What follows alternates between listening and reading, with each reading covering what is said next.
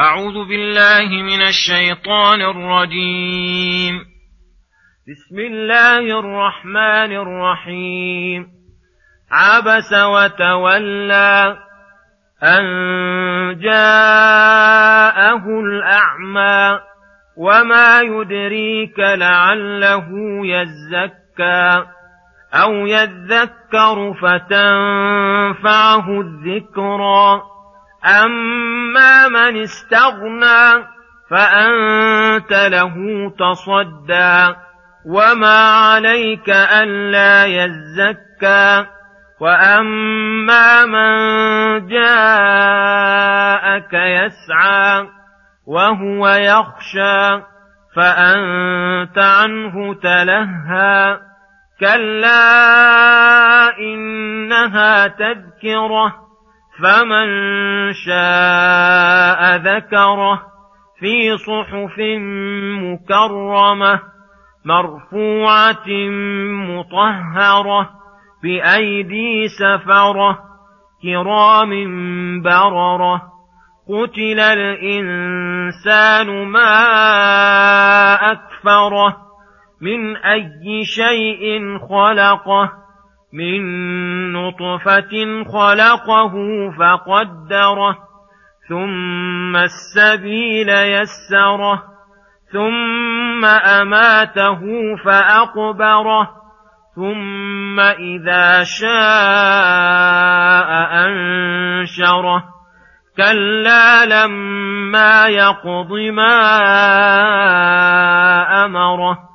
فلينظر الإنسان إلى طعامه أنا صببنا الماء صبا ثم شققنا الأرض شقا فأنبتنا فيها حبا وعنبا وقضبا وزيتونا ونخلا وحدائق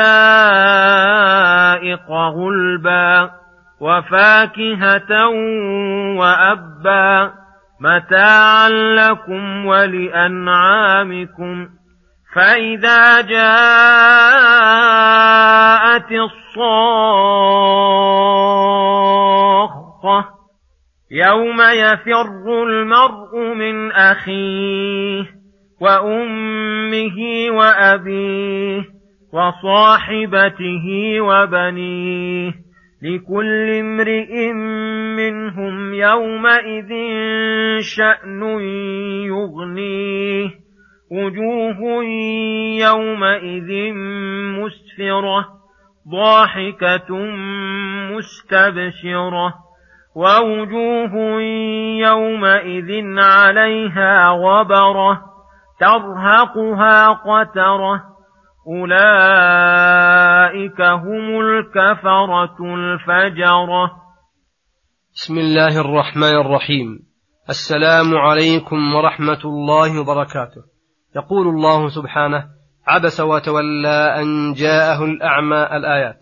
سبب نزول هذه الآيات الكريمات أنه جاء رجل من المؤمنين أعمى يسأل النبي صلى الله عليه وسلم ويتعلم منه. وجاءه رجل من أغنياء وكان رسول الله صلى الله عليه وسلم حريصا على هداية الخلق فمال صلى الله عليه وسلم وأصغى إلى الغني وصد عن الأعمى الفقير رجاء لهداية ذلك الغني وطمعا في تزكيته فعاتبه الله بهذا العتاب اللطيف فقال عبس أي, أي وجهه وتولى في بدنه لأجل مجيء الأعمى له ثم ذكر الفائدة في الإقبال عليه فقال وما يدريك لعله أي الأعمى يزكى أي يتطهر عن الأخلاق الرذيلة ويتصف بالأخلاق الجميلة أو يذكر فتنفعه الذكرى أي يتذكر ما ينفعه فينتفع بتلك الذكرى. وهذه فائدة كبيرة هي المقصودة من بعثة الرسل ووعظ الوعاظ وتذكير المذكرين فإقبالك على من جاء بنفسه مفتقرا لذلك مقبلا هو الأليق الواجب. وأما تصديك وتعرضك للغني المستغني الذي لا يسأل ولا يستغني لعدم رغبته في الخير مع تركك من هو أهم منه فإنه لا ينبغي لك فإنه ليس عليك ألا يزكى. فلو لم يتزكى فلست بمحاسب على ما عمله من الشر. فدل هذا على القاعدة المشهورة أنه لا يترك أمر معلوم لأمر موهوم ولا مصلحة متحققة لمصلحة متوهمة وأنه ينبغي الإقبال على طالب العلم المفتقر إليه الحريص عليه أزيد من غيره. ثم يقول تعالى كلا إنها تذكرة أي حقا إن هذه الموعظة تذكرة من الله يذكر بها عباده ويبين لهم في كتابه ما يحتاجون إليه ويبين رشد من الغي إذا تبين ذلك فمن شاء ذكره أي عمل به كقوله تعالى فقل الحق من ربكم فمن شاء فليؤمن ومن شاء فليكفر ثم ذكر محل هذه التذكرة وعظمها وذكر ورفع قدرها فقال في صحف مكرمة مرفوعة مرفوعة القدر والرتبة مطهرة من الآفات وعن أن, وعن أن ينالها أيدي الشياطين أو يسترقوها بل هي بأيد سفرة وهم الملائكة الذين هم سفراء بين الله وبين عباده. كرام أي كثير الخير وبركة. بررة قلوبهم وأعمالهم. وذلك كله حفظ من الله لكتابه. أن جعل السفراء فيه الرسل الملائكة الكرام الأقوياء الأتقياء. ولم يجعل للشياطين عليه سبيلا. وهذا مما يجب الإيمان به وتلقيه بالقبول. ولكن وتلقيه بالقبول.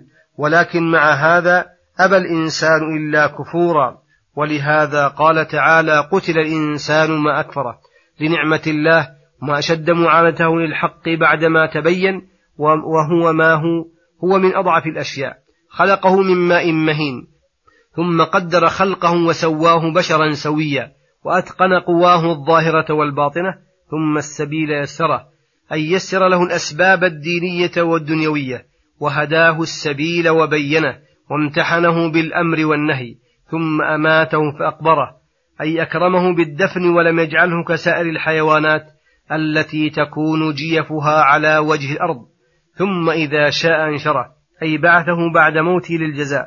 الله هو المنفرد بتدبير الإنسان وتصريفه بهذه التصاريف.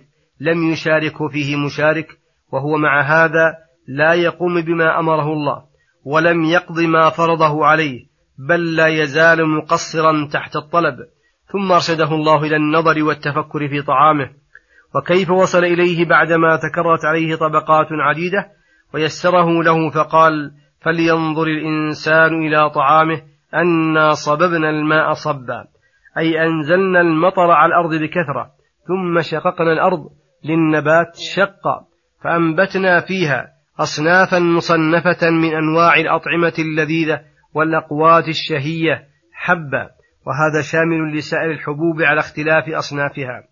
وعنبا وقضبا وهو القت وزيتونا ونخلا فخص هذه أربعة لكثرة فوائدها ومنافعها. وحدائق غلبا أي بساتين فيها الأشجار الكثيرة الملتفة. وفاكهة وأبا الفاكهة ما يتفكه فيه الإنسان من تين من تين وعنب وخوخ ورمان وغير ذلك. والأب ما تأكله البهائم والأنعام. ولهذا قال متاعا لكم ولأنعامكم التي خلقها الله وسخرها لكم. فمن نظر في هذه النعم أوجب له ذلك شكر ربه وبذل الجهد في الإنابة إليه والإقبال على طاعته والتصديق لأخباره. ثم يقول سبحانه فإذا جاءت الصاخة أي إذا جاءت صيحة القيامة التي تصخ لهولها الأسماع وتنزعج لها الأفئدة يومئذ مما يرى الإنسان مما يرى الناس من الأهوال وشدة الحاجة لسالف الأعمال يفر المرء من أعز الناس عليه وأشفقهم عليه من أخيه وأمه وأبيه وصاحبته أي زوجته وبنيه وذلك لأنه لكل امرئ منهم يومئذ شأن يغنيه أي قد شغلته نفسه واهتم لفكاكها ولم يكن له التفات إلى غيرها فحينئذ ينقسم الخلق إلى فريقين سعداء وأشقياء فأما السعداء فوجوههم يومئذ مسفرة أي قد ظهر فيها السرور والبهجة لما عرفوا من نجاتهم وفوزهم بالنعيم ضاحكة مستبشرة ووجوه أي الأشقياء يومئذ عليها غبرة ترهقها أي تغشاها قترة فهي سوداء مظلمة مدلهمة قد أيست من كل خير وعرفت شقاءها وهلاكها. أولئك الذين بهذا الوصف هم الكفرة الفجرة أي الذين كفروا بنعمة الله وكذبوا بآياته وتجرؤوا على محارمه.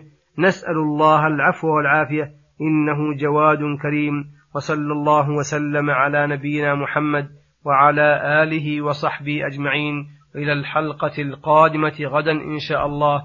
والسلام عليكم ورحمة الله وبركاته.